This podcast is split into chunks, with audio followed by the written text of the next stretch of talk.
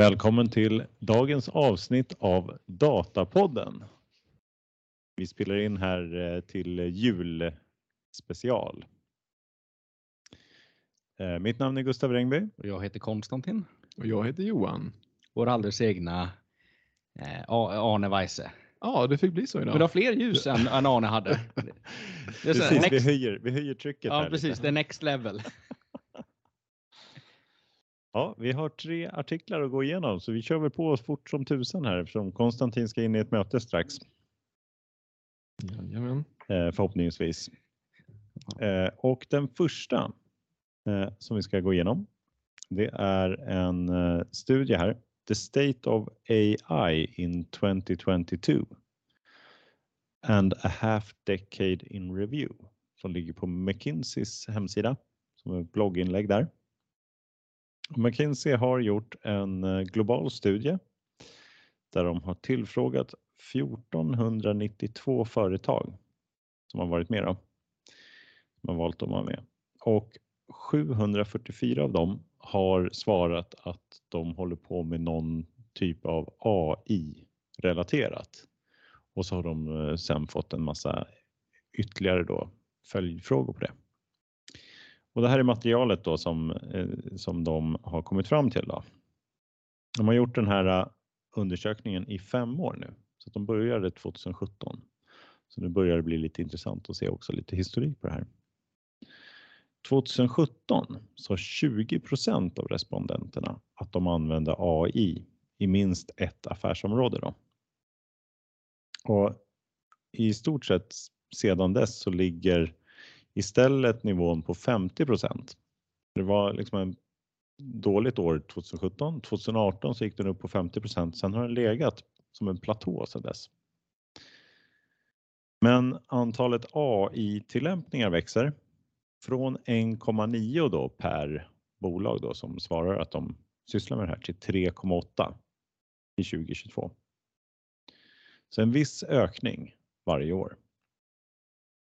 Och vad är det man svarar att man håller på med då? Vad, vad är det för något AI-relaterat som man gör i, i bolaget då? Då finns det en liten karta här. Det absolut vanligaste är någonting man kallas, kallar för Robotic Process Automation. Alltså att man bygger bort och man kanske har lite så här eh, möjligheter att bygga bort eh, enklare manuella arbeten i administration och så där brukar man väl använda Robotic Process Automation eller RPA till. Det är det absolut vanligaste, 39% Computer Vision är också vanligare och Natural Language Text Understanding. Det är de tre i topp då. Eh, och alla de ligger på 39, 34 och 33 procent. Eh, ja, vad säger de mer då? Eh, vad är eh, de vanligaste AI use cases är frågan här också. Eh, och den absolut vanligaste är inom Service Operations Optimization. Och det har vi kanske kopplingar här till RPA för då beskriver man Service Operations är alltså lite så här back office. Så det är där man har utnyttjat AI mest. Och sen så har man som andra plats så har man Creation of New AI-based Products. Och tredje plats Customer Service Analytics. Så det är de eh, vanligaste. Customer Segmentation ligger på lika också. Det är 24% för Service Operations. Eh, 20% Creation of New AI-based Products och sen så har man kundservice och kundsegment på 19% Så det är ett par vanliga då. Så det är marketing and sales då. Och eh, vad säger man mer då här? 2018 sa 40% att de satsade mer än 5% av digitala budgeten. Och nu är det 52% så att eh, budgeten av hur man investerar inom AI ökar. Eh, och så har de en fråga här om var gör man största liksom vinsten på det här då? Och då är det uppdelat på två delar. Det ena är att man kan göra kostnadsbesparingar eller att man ökar då revenue som två olika delar. Eh, och eh, där står, eh, man får väl säga bland revenueökningar så står den som är, har högst revenueökningar, liksom vilket område man kan utnyttja AI då som de här respondenterna svarar, så är det inom produkt Eh, utveckling. Där är det 13% som har ökat sin revenue med över 10% eh, Men det är upp till 70% som har en ökning på 5% Den som ligger på andra plats där är marketing and sales. Inom kostnadsbesparingar så är det supply chain management som är området som man utnyttjar AI för. Där man har en, eh, där, där 41% av de som har gjort någon förbättring där har en minskning av kostnader på över 10 Det är ju en eh, bra siffra får man väl säga. Så högst ökad revenue från produktutveckling och minskad kostnad från supply chain management. Man korrigerar dig Gustav. Ja. Jag sitter och läser, jag tittar på artikeln samtidigt. Ja. Det är på supply chain management så är det 4% som har en decrease by Ja, där ja. Ja, jag ser. Jag ser. mer än 20 procent. Ja. Just det, det är under 10 procent egentligen på 41 procent. Ja. Men totalt 7 plus 4 så det är 10 procent. Mm. Vilken tur att jag har en uh, någon som läser här också. Jag, jag, kan inte läsa de här barsen tror jag. De är svåra. Uh, ja, men tack Johan. Uh, ingen direkt ökad investering i minskning av risker relaterat till AI säger man också. Lite kryptiskt, men vi kommer tillbaka till det. Ja, och eh, McKinsey har lite kommentarer här på det här också och de ser att man, de som kört på med AI-satsningar drar vinster längre fram istället för att de som kanske har gjort något försök och inte liksom tänkt att det här är ett långlopp. De, eh, de får inte till det där Eh, egentligen. Eh, I den här eh, enkätstudien då så har de hittat då någon form av någonting de kallar för AI-ledarna också. Och då är det en del då bolag som tillskriver 20% av sitt resultat till AI-relaterade tjänster. Och det här motsvarar 8% av alla som, av respondenterna tillhör den här gruppen där som tillskriver 20% av sitt resultat till AI-relaterade eh, tjänster. Då. Eh, och inom denna grupp så är det vanligare att man skapar intäkter med hjälp av AI och inte att man sänker kostnader. Då. Och det är också vanligare bland de här AI-ledarna att man har industrialiserat AI, så man har bra deploymentprocesser och, och det här området MLOps, då, Machine Learning Operations. Man har också bättre datahantering och man använder low code, no code produkter för att fler ska kunna bygga AI-funktioner, säger de då. Så det är en viktig del i, de här, i den här gruppen av AI-ledare. Datahantering eh, och eh, industriell, industrialiserad AI och att man då har den här low code, no code produkter.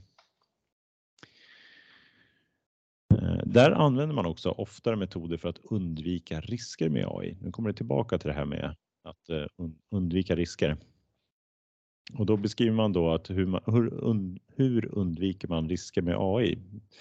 Så att då eh, är det ett antal områden då. Data governance, standardiserade processer, datakvalitetskontroller, reguljära datakvalitetskontroller och test och monitorering av sina AI-modeller beskriver man då som sådana verktyg man använder för att undvika riskerna med AI. Eh, och en sak här också, för då kommer man in på nästa område. Hur lätt är det att hitta eh, AI-kompetens? De här AI-ledarna verkar ha lättare att hitta AI-kompetens också. Så de som gör mest med det, de har lättare att, att få till Eh, knyta sig då, eh, bra personer. Då. Och bland de här respondenterna när de har fått frågan om vilken typ av eh, resurser de tar och anställer så är den absolut vanligaste resursen till sina AI-initiativ är en mjukvaruutvecklare. tätt följt då av Data Scientist och Data Engineers. Och den absolut svåraste att anställa verkar vara Data Scientist. Men om man tittar på en eh, förändring då så uppger man att de senaste tre åren så, så upp, eh, upplever man att det är Data Engineer som har blivit svårare att, eh, att anställa. Det är vanligt att man försöker då upskilla också sin befintliga personal. Och att även ta in juniora resurser också. Och det vanliga sätten då man gör upskilling på, det är genom att eh, helt enkelt göra, att man får sätta sig och börja bygga, så lär man sig. Men det är också onlinekurser och CERT. Och där är också en skillnad för de här, de som jobbar mest med det. De säger också mer att de jobbar mer med att man faktiskt sätter sig och får göra grejer. Eh, Medan eh, onlinekurserna är mer för, eh, för de som eh, som eh, ja, inte tillhör den här eh, garnityret av eh, bolag som har jobbat mest med AI. Då. Kom, säger också med den här globala undersökningen så är det ungefär 27% kvinnor som jobbar inom AI också, de här AI-relaterade delarna. Det var ungefär den artikeln. Tror ni Sverige ligger främ, främst här eller ligger de bak Vem, enligt detta? Det här är ju en global studie. Alltså, när det kom till de här, vad sa du att det var, 8 procent av respondenterna som hade mer än 20 procent av sina intäkter AI-drivna. Ja. Eh, det tyckte jag lät högt. Så där tror jag inte Sverige är så långt fram.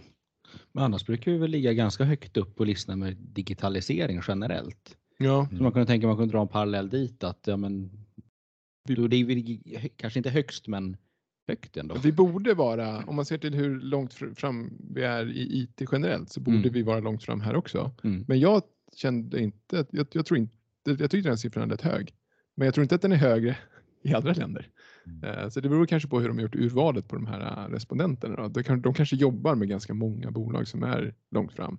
Ja, man kan väl fundera här kring definitionerna också på AI. Om RPA räknas som AI.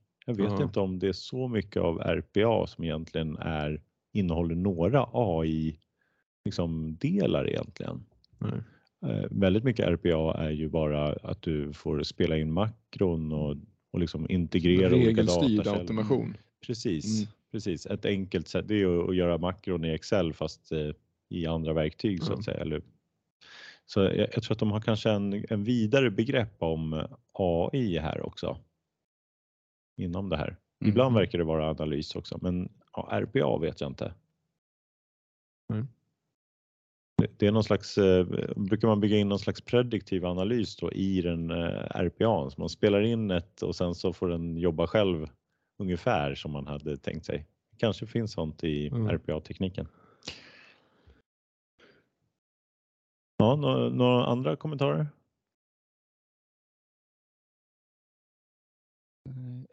Annars så hade vi en bra överbrygga ja, jag, här till... Jag, alltså jag tyckte det var mycket intressanta eh, påståenden i den här. Alltså dels var det intressant att om de nu följt det under fem år, att det liksom ganska fort planade ut. Att det är ungefär, vad var det, mm. 50 procent ungefär av, av, bolagen som jobbar med AI och det mm. har liksom inte hänt någonting. De som jobbar med AI, de gör det mer och mer och mer, mm. men det är inte en större andel som gör det, mm. utan de som, det är som att de som har kommit in, de kör på. Men i övrigt så står det still. Uh, tyckte jag var lite intressant då. Uh, och sen också det här att det krävs uh, en det är de som faktiskt uh, ser långsiktigt och gör investeringar här som också skördar frukterna. Det är som med det mesta, man behöver göra saker mm. ordentligt om det ska bli bra. Mm. Ser, gör man, försöker man göra quick fixes och snabba initiativ så får man inte ut något värde av det. Nej.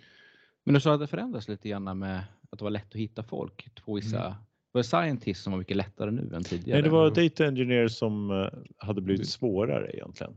Mm. Okay. Medan data engineers var svårt hela tiden kan man väl säga. Scientist. Data scientists var svårt. Data scientists, ja, ja. Men engineers har blivit svårare. Mm. Mm. Så att, men data scientist var nog en av de svåraste att hitta. Eh, Medan då utvecklare var det man mest anställde då egentligen. Mm. Det var inte svårast. Nej. Och det kan man relatera till om vi ser till den svenska marknaden. Det är ju svårt att hitta kompetens Ja, generellt eh, och att eh, gå mot, som de sa i artikeln här, gå mot mer juniora eh, personer som man får då utbilda istället. Mm. Det är liksom vägen framåt. Jag tror däremot att det finns en öppning här, att det kan bli mycket fler som jobbar med AI. Vi, vi ser ju att, eh, att det sker en stor förändring här med IoT. Att det blir mycket mer data som görs tillgängligt för analys och utnyttja för olika typer av automatiseringar. Mm. Eh, Så kanske att det här inte står till, still. Jag, jag tror att liksom de här AI-ledarna kan ju röra sig väldigt mycket om sådana här techbolag. Mm. Eh, och att de har legat tidigt fram och, och bygger analys och sådär för att de har haft mycket digitaliserat men att man får kanske en eh, förflyttning av nya grupper av organisationer. Det, det skulle man ju vilja se här om det var vissa specifika branscher. De säger Mm. ingenting om Mm. det. För det är egentligen inte så intressant att veta om det är en viss bransch som bara är AI-ledande så att säga i förhållande till andra. För då, det säger ju inte så mycket om, Mm. om man vill kunna förändra sig så måste man ju, kan man inte jämföra sig med ett, ett bolag som har en helt annan typ av data än vad man själv har. Nej. Eller ens möjligheten. Mm. Men man Ja. kan väl ändå dra lite slutsatser här. Det är ju ändå lite intressant. Det är väldigt eh, bra då, eh, liksom mycket sådana här eh, fina diagram här som man kan gå in och kika på. Ja. Även om jag kan missuppfatta det. Nej, men de där var ju, jag gillade dem också. Det var ju väldigt, om man vill dyka ner här och, Ja. och titta på detaljer. Och jag, jag hittade ju en detalj som jag tyckte var väldigt intressant. I den här jämförelsen mellan eh, de här uh, leadersarna, eller high performers eller de kallar sig, och resten. Så var, hade de liksom lagt eh, olika, eh, olika delar, olika saker där man var läng- mer eller mindre if- ifrån varandra. Mm. Och den punkten där det skilde sig störst då mellan de här high performerserna och alla andra var den punkten som var kopplad till data och the, the ability to integrate data into AI models as quickly as needed. Mm. Eh, och som dataarkitekt, och vi har tidigare, de gånger jag varit med i den här podden tidigare pratat om eh, datamodellering och Mm. data management, så är det tycker jag en ganska eh, intressant punkt här att de som har en bra datahantering i botten är också de som lyckas bäst Med med AI. Ja, Mm. mm, verkligen. Men eh, jag tycker det blev väl en bra brygga här i alla fall för att eh, eh, de pratar också om att AI-ledarna sysslar med low code, no code i större eh, utsträckning. Och det, Alltså, det- har det vi i nästa det- artikel också. Ja, alltså det är lite, nästan lite swag. Jag tycker det är lite häftigt. No code, low code. Yeah, Swag. swag. Ja. um, Take it away. Ja, ja men liksom alltså, self-service är ju det det handlar om i någon, i någon mening här och det är ju det är något vi värnar om ganska mycket. Vi tillgängliggör datat och liksom så att man ska kunna arbeta på det så mycket som möjligt är på egen hand. Och det förutsätter ju att man har liksom ett interface eller miljö där man inte är helt beroende av att vara utvecklare eller ha liksom en väldigt stor utvecklarkompetens. Um, utan ett, liksom ett gränssnitt med drag and drop eller, eh, eller liknande. Och det är detta då som har samlingsnamnet low code. Så det kan ju vara arbete med både rapportutveckling, opera, operationella applikationer, eh, som AI, att man har liksom lite färdiga moduler som man, man, eh, man kopplar samman och så drar man in sin data och sådär. Men jag hittade en artikel här som tog upp en marknadsundersökning som gjord av Gartner inom området low code. Och enligt dem förväntas marknaden växa med 19% per år de kommande fyra åren. Vilket kommer innebära en marknad värd 44, nästan 45 miljarder dollar 2026.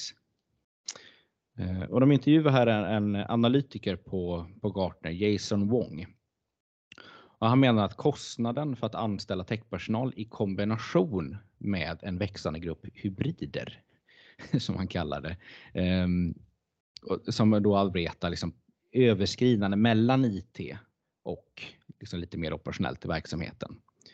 Eh, och att han menar att dessa två eh, krafter bidrar då till ett ökande användning av de här low code verktygen. Då. Eh, och målgruppen är just den här eh, dels bryggan då mellan, men framförallt de som är utanför IT-avdelningen men som ändå vill göra analyser eller, eller bygga enklare applikationer. Ehm, och idag utgör denna grupp 40% av användarna. Men 2026 så är det hela 75. Så det kommer stiga ganska mycket.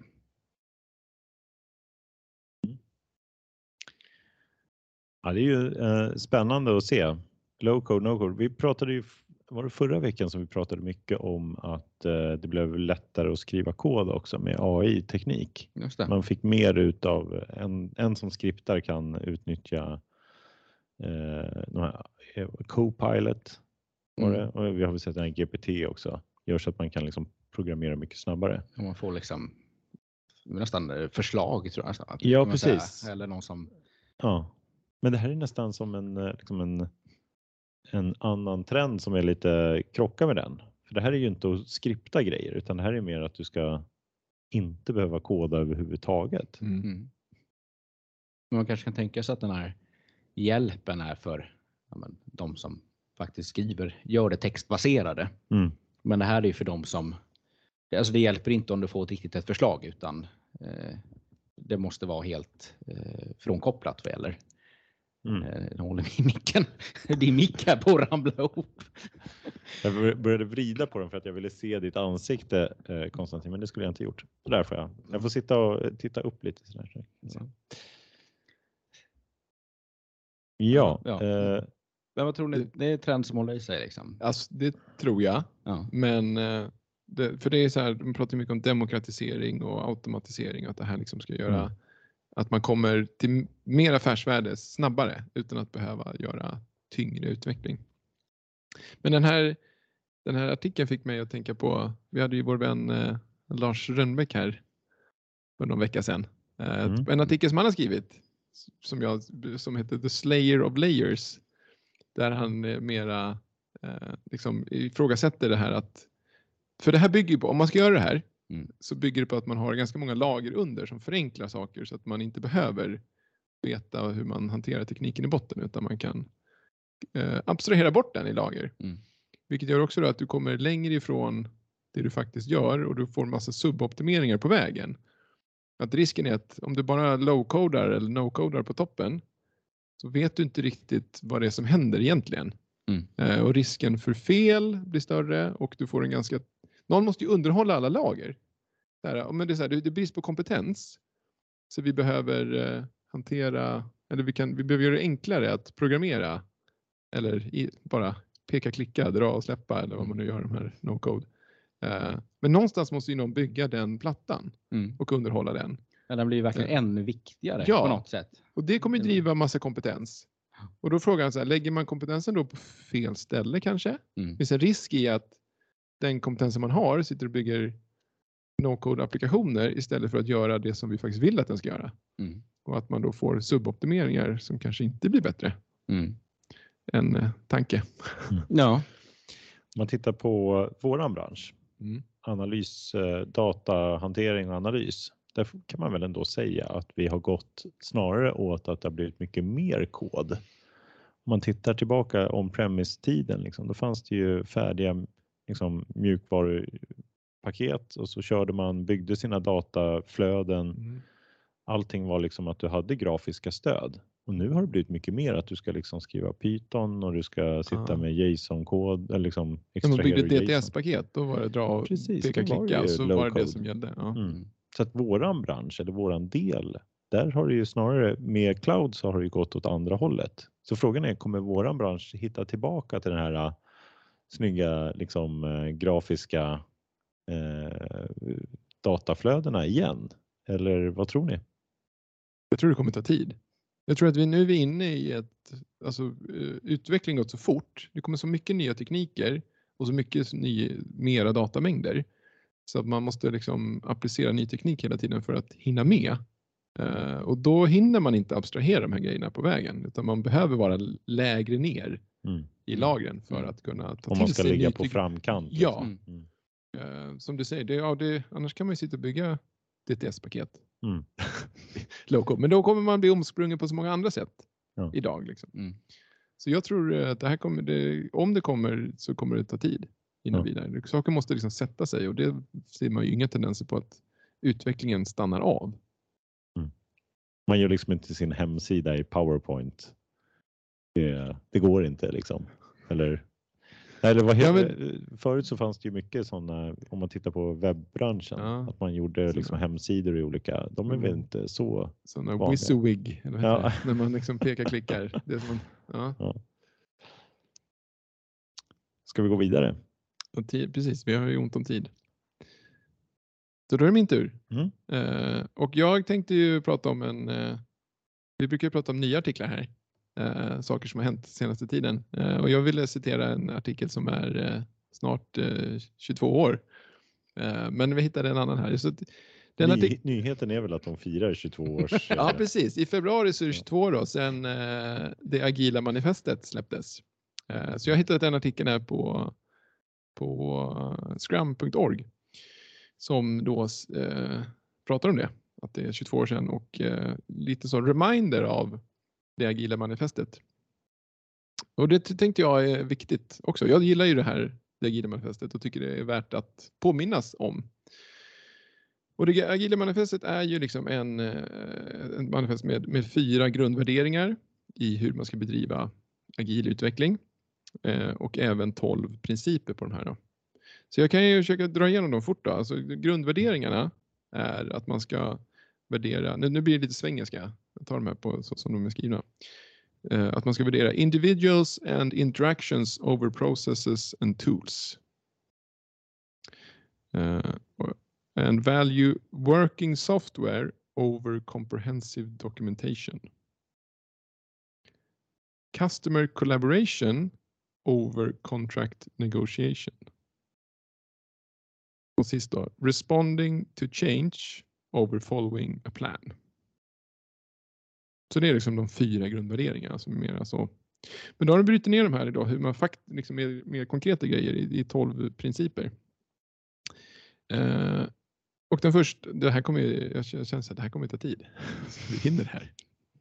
Eh, men den första är eh, Our highest priority is to satisfy the customer through early and continuous delivery of valuable software.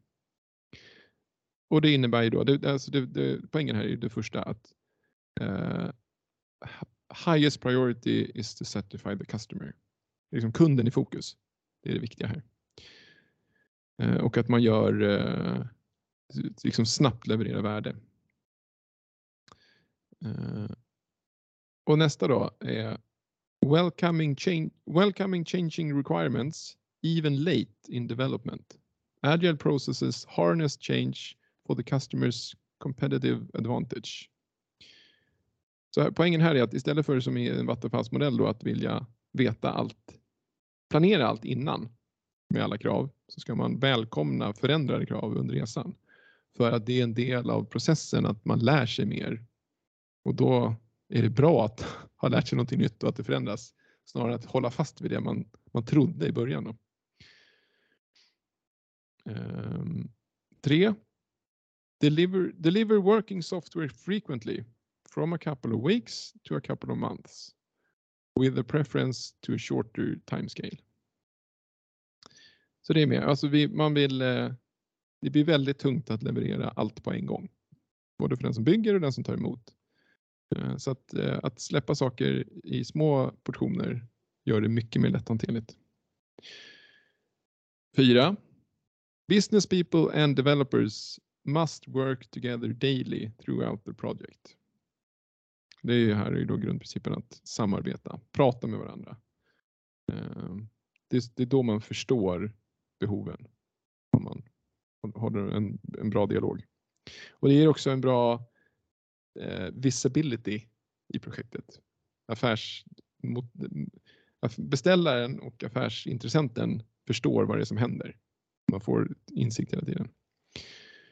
Och man minskar risken här också då. Ehm, Fem. Build projects around motivated individuals. Give them the environment and the support they need and trust them to get the job done. Så i grund och botten här, det är första värderingen också, att det är ju personerna i projektet som levererar. Ehm, låt dem göra ett bra jobb och fokusera på att eh, hålla kulturen och Eh, landskapet runt omkring så positivt som möjligt så att de kan göra sitt jobb och få de verktyg de behöver. Så det är en del av ledarskapet här. Då. Man ska inte vara inne och detaljstyra utan mer ge folk möjligheter. 6. The most efficient and effective method of conveying information to and within a development team is face-to-face -face conversation. Så ingen eh, mailpingis utan prata med varandra. Det är så mycket lättare att reda ut, eh, reda ut saker om man kan ha en dialog. Oavsett om det är face to face, alltså på riktigt, eller Teams-möten eller vad det nu kan vara. Liksom. Så länge man kan ha en, en dialog. Um, sju. Working software is the primary measure of progress. Så att det spelar, att, att säga att man är 80% klar i ett projekt eh, bara för att man har, tycker att man har gjort 80% av tidslinjen betyder ingenting. Utan det är om man har, det, vad, vad har man lyckats leverera som går att använda? Det är liksom måttet av, eh, och, av eh, progress.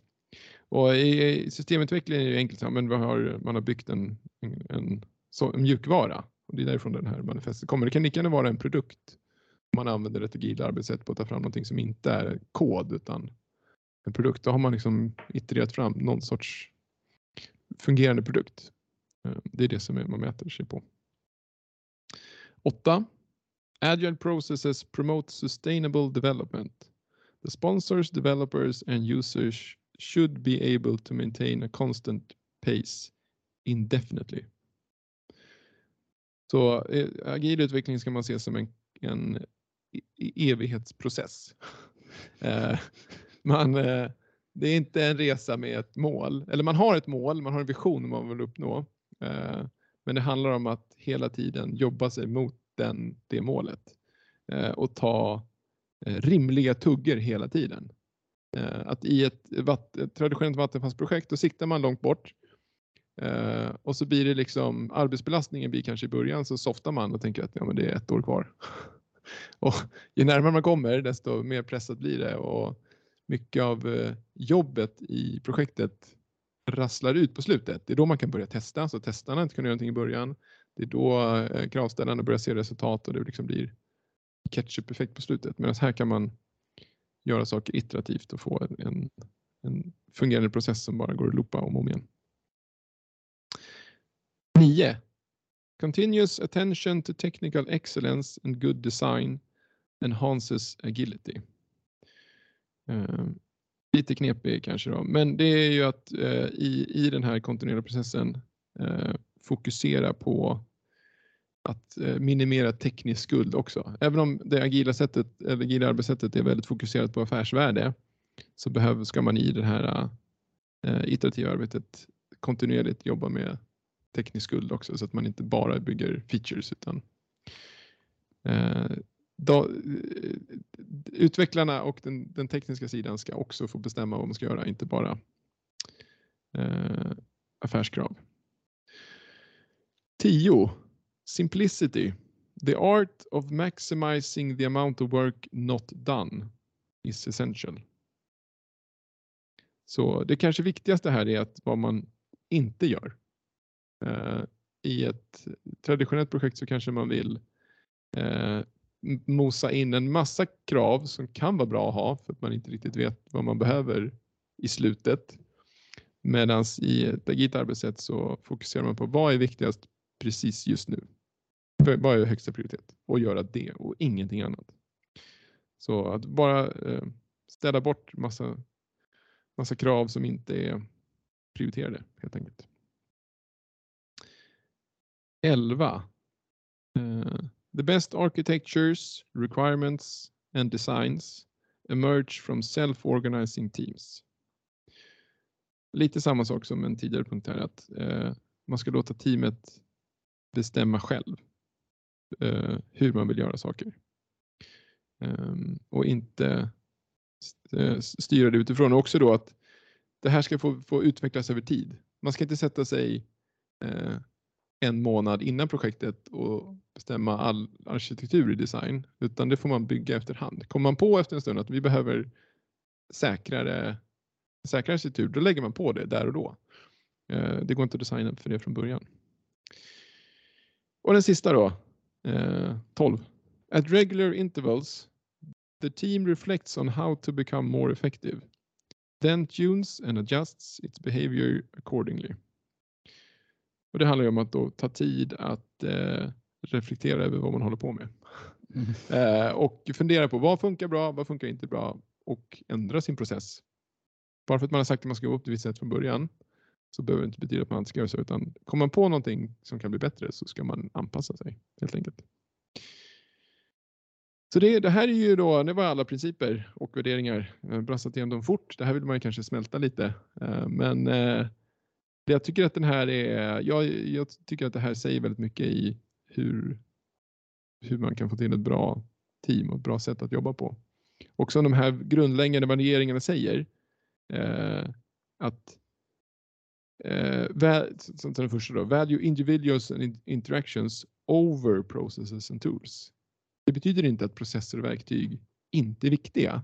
Det betyder bara att man ska inte, det får inte vara verktyget som är fokus först, utan det viktiga är att man har personer som kan jobba och prata med varandra. Mm. Det är viktigare än att vi har rätt verktyg, för annars blir ingenting gjort. Eller eh, responding to change over following a plan. Det betyder inte att det är dåligt att en plan, men det betyder att det är viktigare att vi förhåller oss till förändrade krav än att vi följer planen. Mm. Så att det är liksom, det är mer så här värderingar som är bra att tänka på än som eh, att man inte överfokuserar på det här och blir överagil. Då har man liksom missat det här. Ja, det blir scope Eh. creep då. Bara plocka in alla förändringar som bara kommer. Nej, men ja, men eh, precis. Det, det ska man inte heller göra. Utan det är därför de här 12 principerna, de kompletterar ju varandra i att man faktiskt håller en balans i det här. Så att eh, den här tycker jag man ska påminna sig om. Är det några av dessa som är liksom steg som är svårare att leva upp till inom, om man tittar på ett analysprojekt skulle ni säga? Ja, det tror jag. Och det finns ju också förlängningar av det här, det här eftersom det här är 22 år sedan. Eh, så finns det ju, man, idag pratar man kanske om data ops. Det är väl ett uttryck som kom för ett par år sedan. Eh, där man liksom pratar om hur man gör det mer i detalj för, för datadriven eller liksom datautveckling. Men eh,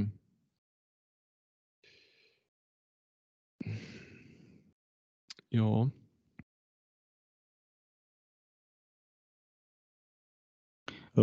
Ja, Ja.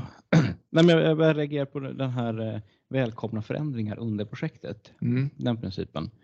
Eh, I vilken utsträckning menar man förändringar? Är det att man inser att man behöver lösa det på något annat sätt än vad man först trodde? Eller är det att man ska liksom lägga till saker? både och. Det både och. Ja, Jag tänker främst på affärskrav. Mm. Och där tror jag inom vårt område, alltså analys, så är ju det någonting som man kommer till nya insikter under resans gång. Mm. Eh, Det är klart att det här gäller om man ska ta fram en produkt också, men om man kommer till att ta fram analyser och modellera data och ta fram rapporter så är det ju kanske, alltså så fort man kommer till nya insikter i verksamheten, då vill man kanske se det på annat sätt och då Mm. behöver man justera på det här. Men då blir det viktigt då att ha snabba, oftare ha leveranser så att man får upp någonting som går Exakt. att titta på. Så att det hänger ihop då, man kan Mm. inte göra det ena och inte det andra, då blir det, funkar det inte. Ja, jag, jag gillar ju den här, eh, en av de här första här stegen, det här med att eh, skapa, liksom, fokusera på att skapa affärsnytta hela tiden. Så brukar man visa det med den här, det hade de också med i den här artikeln, att man, Mm. ja, men om du ska bygga en bil så börjar du med att bygga en skateboard och sen så gör du en cykel och sen gör du en eh, ja, Motorcykel motorcykel sen gör en en bil. bil. Ja. Istället för att liksom först bygga hjulaxeln på bilen Ja. och sen bygga det där och det där. Det, jag tycker det är bra. Det är en rolig liknelse och liksom visa på att man är inriktad på syftet bakom. Precis. Men samtidigt så kan den vara lite så här. Alltså det kan vara svårt att om man har en kund som vill, ja men vi måste ha byggt det här. Allting ska vara klart, annars så är det, för det är det jag har fått budget för. Mm. Och jag får ingen affärsvärde om jag inte har, liksom, jag, har jag måste ha bilen. Jag får Mm. inte, ni kan inte komma med en skateboard till mig. Liksom, om man skulle själv beställa en, eh, liksom bygga en ny bilfabrik och så kommer man, hur går det med bilfabriken? Vi kan göra skateboards nu. Då skulle man liksom bara, nej, nej det här är fel. Så det, är- det är ju en intressant tanke men den funkar ju inte helt praktiskt Nej. heller på riktigt liksom på något sätt. Nej, det finns ju steg i det där när man, om man, om man har ett mål. Mm. Man kan liksom inte, alltså en skateboard är ju tämligen värdelös så man behöver en bil. Men det är ändå någonting som går att använda till Mm. skillnad mot en hjulaxel som är, Ja. den går inte att använda. Nej, Ja, också ett, ett problem är ju inom datahantering. Väldigt ofta är det så att om man ska bygga en ny rapport så blir den extra dyr för att då gör man allt det här med datahanteringen och datakvaliteten och man förbereder och bygger kanske ett data warehouse under. Och så blir, kommer det bli liksom, du gör en investering för att du ska ha tio rapporter på det, men du byggde bara en i början och Mm. den blir ju typ dyrare. Mm. Det är, på ett sätt så är det emot Mm. det agila tankesättet. För att du skulle ju egentligen gjort en rapport fast du vet ju att ja, men det, det här är värt att ta den här liksom genvägen. Eh, För att vi kommer tjäna på det. Annars så blir det ju det, det blir ju väldigt snabbt en spagettilösning om man låter analys bara bli liksom quick and dirty. Ja. Men det är också en del i det här att du vill låta arkitekturen utvecklas över tid också. Ja. Så att kommer du på att nu är det spaghetti, då måste jag hantera, då ska, måste du göra det efterhand också. Men det är klart att man, man eh, kan inte bara fokusera på affärsvärdet Mm. och sen eh, får det bli som det blir, utan man måste göra lite av varje Mm. hela vägen. Nej, de hade väl med där, i något av de stegen så pratar de om teknisk skuld och att man måste, man måste ha med det i sina sprintar här också. Exakt. Eh, Så att eh, det, det finns väl en, eh, man ska inte liksom se sig blind på några specifika principer här utan måste ju finnas någon förnuft också. Mm. Här, Är det någon skillnad mot nu då mot för 21 år sedan eller gäller de? eh, Nej, men jag tror att vi har, eh, du och jag pratat om det här Gustav, tillfälle. men nu kanske man har liksom tagit det här, eh, som för, för 21 år sedan, då var det här nytt. Och så här, oh, men shit, vi kan ju, behöver inte jobba Vattenfall. Man kan göra annorlunda och så blev det en, en trend. Eh, nu kanske den där, nu har den där, det här blivit eh, smör och bröd. Eller så här, det är klart man jobbar agilt. Och så kanske man glömt bort grundprinciperna eller grundvärderingarna. Att man liksom fokuserar på, men nu behöver vi jobba, nu ska vi ha en DevOps-team. Nu ska vi ha DevOps-verktyg. Nu ska vi göra massa saker som, som man då har börjat bygga massa processer Mm. och dokumentation och verktyg som man tycker så här, men det här är det agila. Men det, det, är, det är ju inte det egentligen. Men att man tycker att det är det för att det är agila verktyg. Eh, Det tror jag, vi har liksom, liksom kommit förbi det här och det har blivit på något sätt så man har blivit så van vid det att man glömmer bort det. Tror så det, finns. blir liksom, det har byggts på en massa eh, liksom, förutsättningar som man tänker sig. Det- Konstantin, du försöker säga någonting till oss nu. Är, det, är vi klara idag? Ja, ni får hemskt gärna fortsätta här, men jag behöver Ja, fika. Ja, ja, men Ja. jag tror vi, får, vi, vi var väl ganska klara där. ja, det tycker jag. Så jag tycker att då tackar vi för idag och önskar alla en eh, god jul. God jul! Yes. God jul. Och hej då. Vakna klockan fem, det är mörkt nu igen som om idag